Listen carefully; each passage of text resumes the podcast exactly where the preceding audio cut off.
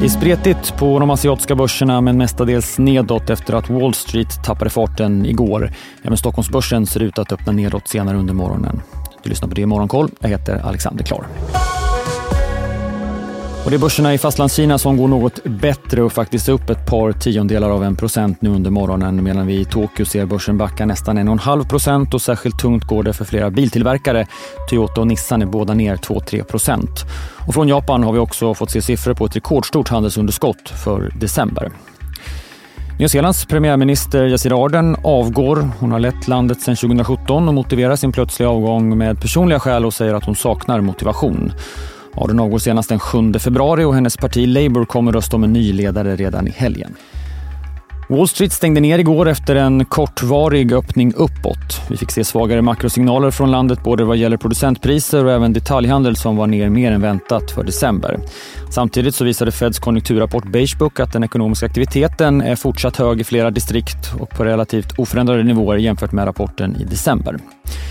På räntemarknaden backade framförallt de amerikanska långräntorna. Den amerikanska tioåringen backade kring 20 punkter och står nu på morgonen i 3,33.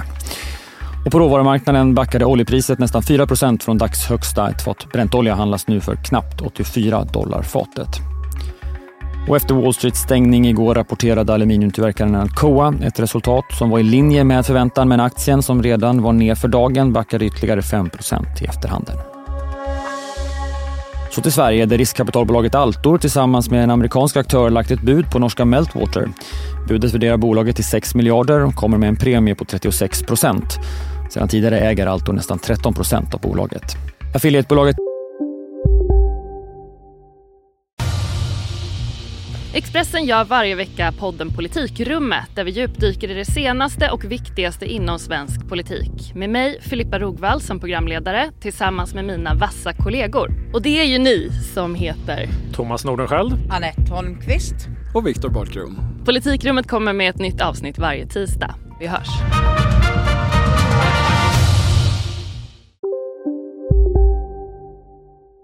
Catena Media har släppt eh, preliminära siffror för sitt fjärde kvartal. Bolaget gör nedskrivningar för både goodwill och vissa tillgångar och justerat blir resultatet för det fjärde kvartalet något lägre än i fjol och intäkterna marginellt lägre. Marginalen landar på 40 procent. Samtidigt säger bolaget att intäkterna från den nordamerikanska marknaden växte med över 30 procent i kvartalet. Och inom sektorn så har det för North-listade affiliatebolaget Attraction förvärvat danska bolaget Ed Service för motsvarande 260 miljoner kronor och samtidigt gjort en riktad emission. Även förvärvaren Idun Industrier har gjort ett förvärv sedan igår.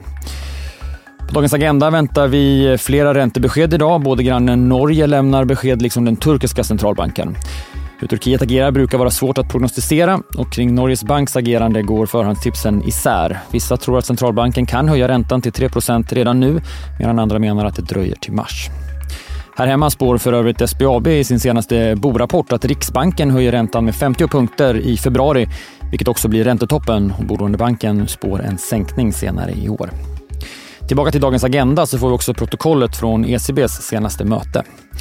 Inte så många rapporter idag. VNV Global släpper siffror under morgonen och amerikanska Netflix presenterar sitt kvartal efter stängning ikväll. Först imorgon en tung rapport då för svensk del. Ericsson först ut väntas presentera ett lägre resultat än vi såg i fjol, tyngt då bland annat av avsättningar för domstolskostnader i USA. Och verkstadsjätten Sandvik väntas komma med ett högre resultat än vad vi såg i fjol. Utsikterna såklart i fokus. Dessutom rapport från Investor och Avanza. Du följer rapporterna bäst i Rapportmorgon i DTV som drar igång vid halv åtta imorgon. Det avslutar dagens Morgonkoll. Följ oss för alla de senaste nyheterna och missa inte heller Börsmorgon idag kvart i nio. Ett program som nu också finns som podd. Jag heter Alexander Klar.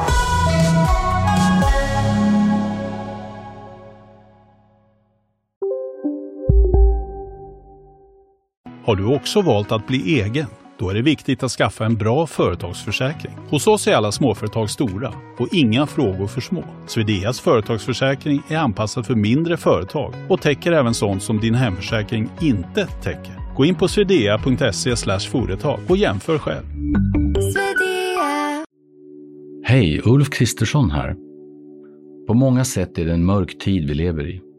Men nu tar vi ett stort steg för att göra Sverige till en tryggare och säkrare plats. Sverige är nu medlem i Nato. En för alla, alla för en.